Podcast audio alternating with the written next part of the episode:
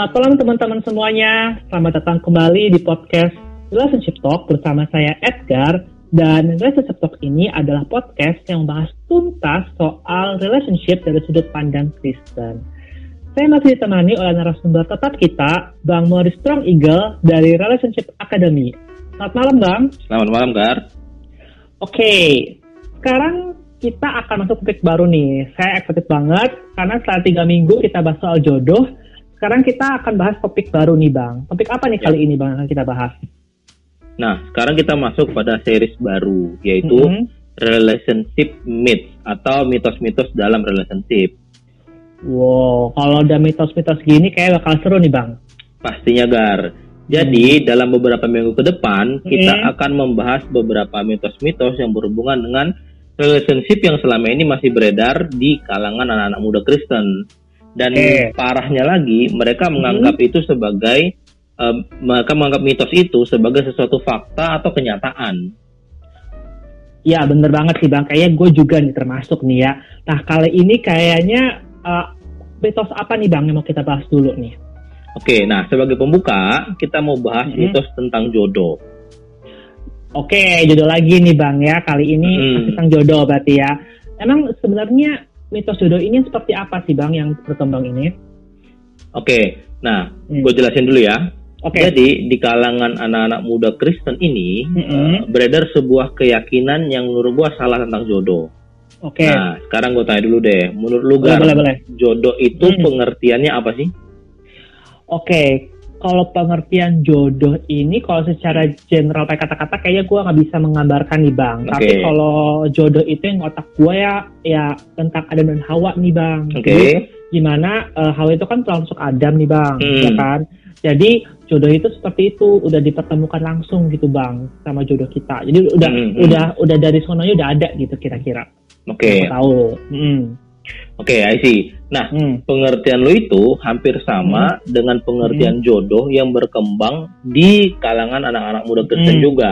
Oh, yaitu oke. tentang the one, the special one, the one and only gitu ya. Hmm. Nah, Hmm. Jadi pemahaman jodoh yang beredar itu adalah bahwa ada seseorang dan hanya dia seorang yang memang dikhususkan buat kita sebagai pasangan kita untuk melengkapi kita sampai akhir hayat, sampai Hmm. sampai mati nih gitu ya. Kalau istilah kerennya itu soulmate lah gitu. Iya. Dan eh, masalahnya adalah kalau kita tidak jadi dengan ini orang, the special one ini, eh, the only one ini, maka seluruh kehidupan relationship kita akan berantakan. Dan bahkan ada beberapa yang meyakini kalau kita tidak jadi menikah dengan orang yang spesial ini, yang adalah the one ini, maka rencana Tuhan bisa dan bahkan telah gagal dalam hidup kita. Jadi mitosnya begitu. Hmm, oke. Nah, kalau menurut abang sendiri sebenarnya mitos ini salah atau bukan? Bukan sih bang. Soalnya yang menurut aku sih bang, kalau yang tadi yang abang jelasin tadi mitos tadi, Hmm. menurut aku sih sebenarnya itu oke-oke aja. Karena kan memang kita tujuannya menemukan yang eh, pasangan yang sudah Tuhan tetapkan, bukan? Makanya kita tanya sama Tuhan, berdoa sama Tuhan yang saya bilang kemarin juga di episode sebelumnya tentang kriteria kan, bang Hmm, hmm, hmm. gitu jadi bukannya itu yang menurut aku sih nggak nggak yang salah kalau menurut abang sendiri gimana Oke, pelan-pelan ya. oke Ini gue coba bangun pondasinya dulu nih. Oke, Oke, gini. boleh. Sekarang gue tanya Gimana? Gar. Kalau Hmm. kita perhatikan di kisah-kisah di Alkitab, ada nggak sebuah kisah atau indikasi yang menyatakan bahwa Tuhan memerintahkan seseorang ya untuk secara spesifik menikahi seseorang yang lain? Atau enggak? Gue balik deh Hmm. pertanyaannya. Pernah nggak Tuhan itu memerintahkan atau menyatakan kepada para tokoh-tokoh yang ada di Alkitab nih untuk Hmm. secara spesifik menikahi orang tertentu? Misalnya si A harus menikah dengan si B atau si B harus menikah dengan si A misalnya gitu. Atau misalnya ada ada tokoh dalam kitab yang harus menikah dengan ini ya gitu. Karena si A dan si B ini benar-benar sudah Tuhan persiapkan dan harus dengan dia nih. Karena kalau nggak bisa gagal nih rencana Tuhan. Eh, kalau gue sih bang kayaknya kurang yakin ya. Memori gue nih bang agak-agak sirna gitu Hmm. Oke. kalau tentang sejarah Alkitab gitu ya. Maksudnya cerita Alkitab gitu kayak gue perlu perlu baca ulang deh bang kayaknya Mhm. Oke, nah jadi Hmm. gini, kalau kita baca Heeh. keseluruhan kisah di dalam perjanjian baru dan perjanjian lama, Oke. kita menemukan tidak pernah ada ceritanya Tuhan menyuruh para tokoh Alkitab itu untuk menikahi seseorang secara spesifik. Oh, nah kalau gitu gimana tentang Adam dan Hawa dong bang? Kayak kalau eh tadi aku bilang nih bang ya yang di Hmm. awal tadi itu kan mereka kan sebenarnya udah ah, Tuhan ciptakan malah Hawa dari tulang rusuk gitu lah bang intinya. Kan Ya. berarti bukan tuh jodoh ya bang Adam dan Hawa itu. Oke, nah sekarang coba kita lihat ayatnya lagi nih tentang Adam dan Hawa Oke. karena Mm. eh, sama seperti banyak orang juga mereka selalu Hmm. mempertanyakan oh, ini Adam dan Hawa kan itu seolah-olah jodoh yang benar-benar eh, di, diper- diperjodohkan oleh Tuhan gitu benar-benar ya ini jodohnya gitu dibawa oleh Tuhan gitu ya. Nah, sekarang uh, coba perhatikan pelan-pelan kita buka di Kejadian 2 ayat 21 sampai 23. Oke. Gua bacain ya. Boleh boleh. Nah, di sini dibilang lalu Tuhan Allah membuat manusia itu tidur nyenyak. Ketika ia tidur, Tuhan Allah mengambil salah satu rusuk daripadanya lalu menutup tempat itu dengan daging. Ayat 22 dan dari rusuk yang diambil Tuhan Allah dari manusia itu dibangunnyalah seorang perempuan lalu dibawanya kepada manusia itu. Ayat 23 Mm. Lalu berkatalah manusia itu, inilah dia, tulang dari tulangku dan daging dari dagingku. Ia akan dinamai perempuan sebab ia diambil dari laki-laki. Oke, itu ayatnya ya. Ya Oke. ya. Nah, sekarang perhatikan. Sekilas ini ceritanya tentang Tuhan yang menjodohkan Mhm. Adam dan Hawa. Ya kan? Betul, Tapi betul. kalau kita perhatikan baik-baik, jadi kan ceritanya Adam dibuat tidur, kan? Kemudian Tuhan menciptakan perempuan dari tulang rusuk Adam. Nah, kalau gitu, setelah itu apa yang dilakukan Tuhan berdasarkan ayat tersebut? Em, setelah diciptakan perempuan Ya, setelah dari diciptakan. itu Apa? ya Tuhan membawa perempuan itu bang kepada Adam. Oke, benar ya. Nah, Hmm. sekarang pertanyaannya, siapakah yang memutuskan bahwa perempuan Hmm. ini nih, yang baru Tuhan ciptakan ini, Mm. akan menjadi istrinya Adam? Tuhan atau Adam berdasarkan ayat tadi? Oke, kalau berdasarkan ayat sebenarnya si Adam sih nggak bilang dia akan menjadi istri ya, secara general gitu ya, secara gitu. Cuma tapi di- emang emang dia yang bilang kalau inilah dia tulang dari tulangku dan daging dari dagingku sih bang. Oke, jadi Hmm. siapa yang kira-kira melakukan pemilihan? Adam dong. Adam, Adam. Iya kan? Ya. Jadi dan perhatikan eh, sama sekali tidak ada perintah ataupun Hmm. instruksi apa pun Mm-mm. kepada Adam berkenan dengan Hawa. Oh, Tuhan oke. tidak bilang, Adam, ini ada perempuan nih, aku ciptakan untukmu. Dia akan dan harus jadi istrimu. Kan nggak ada kan? Hmm. Eh, Iya iya iya. iya. Kemudian tidak ada juga Tuhan bilang, Adam, kalau kau tidak menikahi wanita ini, maka seluruh rancanganku atas umat manusia bisa berantakan dan gagal. Kan nggak ada juga. Hmm. Iya Oke, iya. Jadi Ah, ah. setelah ah, Tuhan membawa Hawa ke hadapan Adam, Tuhan tuh diam aja, ya Betul. kan? Nah, nggak Iya. nggak nggak ada perintah apa pun kan? Jadi Ya. yang Tuhan lakukan adalah hanya membawa Hawa, lalu keputusan dan pemilihan tetap harus dilakukan oleh Adam. Nah, Hmm. Ingat di Taman Eden itu Hmm. Tuhan kasih Adam beberapa perintah, ya kan? Kalau Hmm, kita hmm, baca iya, iya. harus mengusahakan taman, kemudian Ya. makannya harus ini, harus itu, gitu ya. Ya, Tidak- betul. boleh makan ini. Betul. Nah, tetapi tidak ada satupun perintah berkenaan dengan Hawa. Tidak ada satupun perintah kalau Adam ini harus menikahi Hawa atau harus memilih Hawa sebagai pasangannya. Tapi kan bukannya kalau di kondisi saat itu ya bang ya, Oke. itu kan em, Hawa itu kan hanya di only one eh, perempuan yang diciptakan sama Tuhan di saat itu, Bang. Mhm. kan nggak ada perempuan yang lain gitu. loh. Mm. Jadi gimana gi- gimana konsep pemilihan itu terjadi bang? Kalau emang dia cuma satu-satunya gitu. Oke. Hmm. yakin yang ada pilihan. Nih ingat bahwa dari Hmm. awal mula kan Tuhan sudah memberikan kehendak bebas kepada manusia. Oke. Oke. Mm. Jadi dalam kehendak bebasnya Adam bisa memilih mau atau tidak dengan seseorang yang Tuhan bawakan kepadanya. Dan tindakan Hmm. memilih itu harus ada di pihak Adam atau dalam case general kita sebagai manusia, Mm. bukan pada pihak Tuhan. Karena kita kan bukan robot. Ya Iya, kan? jelas. Kita Ah. diciptakan dengan akal dan pikiran, dengan hati nurani. Jadi Mm. Tuhan tuh mau kita berlatih menggunakan semua itu yang sudah Tuhan berikan itu dengan Hmm. bertanggung jawab.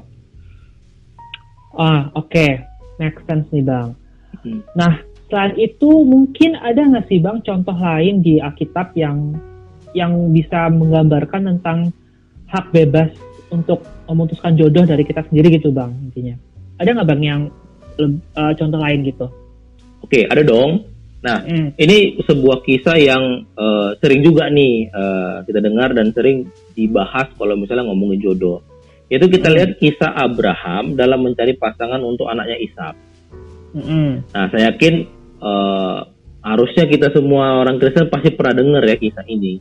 Jadi ceritanya yeah. Abraham menyuruh orang kepercayaannya, hambanya, untuk mencarikan pasangan bagi anaknya di kota kelahirannya dia.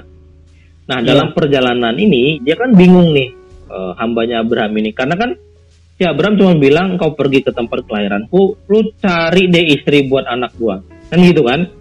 Nah, yeah. dia nggak kasih instruksi spesifik, dia nggak kasih harus si ini, nggak kasih uh, kriteria apa pun.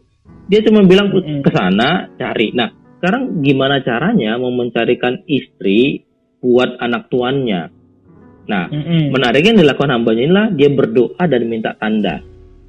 Nah, mm -hmm. Nah soal bagaimana cara meminta tanda yang benar ini kita akan bahas di episode-episode uh, berikutnya ya. Oh, berikutnya. Nah, okay. Tapi uh, harus diingat bahwa hambanya ini meminta tanda dan Tuhan hmm. menunjukkan siapa yang menjadi istrinya Ishak melalui tanda yang diminta oleh hambanya Abraham ini. Jadi oh. Tuhan bekerja melalui tanda yang diminta.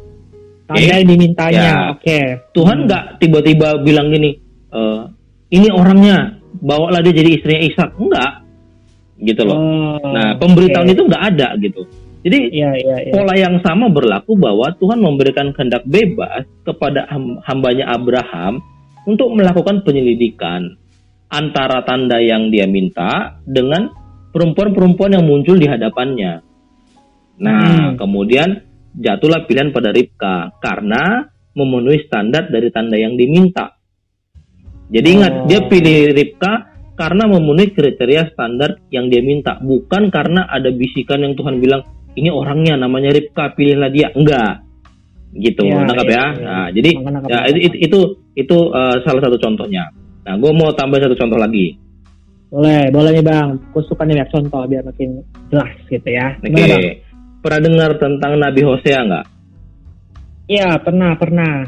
Oke. Okay. bang? Nah, di dalam kitab Hosea mm-hmm. uh, ada sebuah kisah yang menarik sih.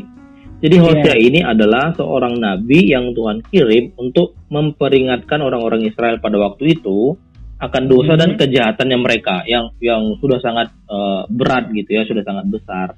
Nah, jadi mm. Tuhan ingin menggunakan Hosea sebagai lambang dari peringatan Tuhan kepada orang-orang Israel. Mm. Kita baca di Hosea 1 ayat 2 sampai 3. Aku bacain ya. Boleh. Dibilang ayat 2, ketika Tuhan mulai berbicara dengan perantaran Hosea, berfirmanlah ia kepada Hosea, Pergilah, kawinilah seorang perempuan sundal, dan peranakkanlah anak-anak sundal, karena negeri ini bersundal hebat dengan membelakangi Tuhan. Ayat 3, maka pergilah ia dan mengawini Gomer binti Diplaim, Lalu mengandunglah perempuan itu dan melahirkan baginya seorang anak laki-laki. Oke, itu ayatnya ya. Nah, ya. gua nggak akan mau bahas uh, panjang konteks ayat ini, sejarah dan maksudnya, tetapi yang gue mau ambil adalah gini. Ini adalah Tuhan sendiri yang memerintahkan Hosea untuk menikahi seseorang. Mm. Oke. Okay? Tapi perhatikan, mm. Tuhan hanya kasih kriteria doang. Ya, Pada ya, waktu ya, itu ya. kasusnya kriterianya adalah perempuan sundal atau pelacur. Oke, okay, hmm. jadi dari itu sisi Tuhan, pokoknya lu menikahi aja seorang yang yang Tuhan minta adalah nikahi seorang perempuan sundal atau pelacur. Oke? Okay? Iya. Hmm. Tuhan tidak spesifik kasih tahu namanya, nggak dikasih tahu carinya di mana, ciri-cirinya seperti apa dan lain-lain itu nggak ada. Hmm. Iya, iya. Dan ya. bahkan Tuhan tidak pilihkan perempuan sundal mana yang harus dinikahi oleh Hosea. Nah, betul, betul. Hmm. Ini nabi logar, nabi perpanjangan tangan Tuhan di masa itu gitu ya. Nabi tahu iya gitu ya. nabi aja hmm. tidak diberikan hmm. instruksi khusus nih siapa yeah, yang harus yeah, dia yeah. nikahi gitu ya. Apalagi okay, kita okay. gitu kan. Nah, lalu di ayat okay. 3 Hosea menikahi Gomer binti Diblaim. Ini hmm, hmm. ada perintah Tuhan nggak? bahwa dia harus menikahi Gomer. Nggak oh, dong. Di ayat sih di ayat ini nggak ada bang. Nggak ada kan. nah, ada. Hmm, jadi hmm, hmm. pemilihan akhir tetap ada di tangan Hosea. Dia mau menikahi namanya Gomer, dia mau nikahi yang namanya mungkin uh, entah Cynthia mungkin pada zaman itu gitu kan nggak yeah, pernah yeah. tahu gitu kan jadi yeah. artinya adalah muncul Gomer ini itu adalah pembelian dari Hosea ya kan mm. tidak ada juga perintah dia harus cari di mana ya mau cari di mana itu pilihan daripada Hosea gitu kan mm, mm, nah mm, jadi artinya adalah tidak pernah ada kasus dalam Alkitab di mana Tuhan mm. memilihkan secara spesifik siapa yang akan jadi pasangan kita hmm Tidak pernah ada kasus di mana Tuhan mempersiapkan hmm seseorang yang benar-benar khusus, the only one, the soulmate, the special one, yang benar-benar harus jadi pasangan kita. Yang hmm kalau tidak terjadi, maka seluruh masa depan kita akan hancur dan berantakan atau rencana Tuhan nggak terjadi dalam hidup kita. Nah, fondasi ini nih yang gue pengen bangun, Gar. Oh, keren banget sih, Bang. Nah, tapi Bang, um, kalau gue melihat dari apa uh, tadi yang udah abang udah jelasin nih bang okay. ya um, jadi di situ uh, uh, abang bilang berarti kita ini nih berarti memiliki andil gitu ya bang ya jadi hmm. yang mau saya garis bawahin ini adalah kita uh, memiliki andil dalam memilih atau menentukan pasangan hidup kita. Gitu betul, ya. betul. Nah, tapi ada juga nih bang yang uh, saya juga pernah dengar hmm. gitu ya dari uh, dari uh, orang-orang lain dan segala hmm. macam atau kesaksian-kesaksian orang begitu kalau jodoh itu tuh bisa loh bang diberikan lewat mimpi hmm. atau mungkin di mungkin secara ilahi gitu bang ya hmm. dikasih tunjukin mukanya gitu hmm. atau mendengar secara Tuhan secara audible nyata gitu kalau ternyata uh, jodoh kamu si A loh, jodoh kamu si B. Nah, kalau yang kayak gitu gimana nih, Bang? Oke, ini pertanyaan hmm. bagus juga nih. Tapi kalau hmm. soal ini paling cocok kita bahasnya minggu depan, kan? Oh gitu. Oke hmm. deh, biar pas gitu Bang ya sama topik ya. minggu depan. Oke, sip sip. Nah, um, jadi teman-teman, kita akan lanjutkan lagi pembahasan kita yang uh, luar biasa banget ini ya. Semakin dalam, semakin dalam ya Bang. Jadi kita akan lebih dalam lagi tentang jodoh ini dan teman-teman boleh kirim pertanyaan ke atau tanggapan teman-teman juga ke Instagram melalui DM ke @edgarlinardi atau ke @moristrongeagle dan di situ biar kita bisa tahu nih teman-teman sebenarnya ada pertanyaan apa atau sebenarnya teman-teman mau lebih tahu tentang apa sih supaya kita bisa bahas lagi minggu depan. Thank you teman-teman, sampai jumpa dan God bless.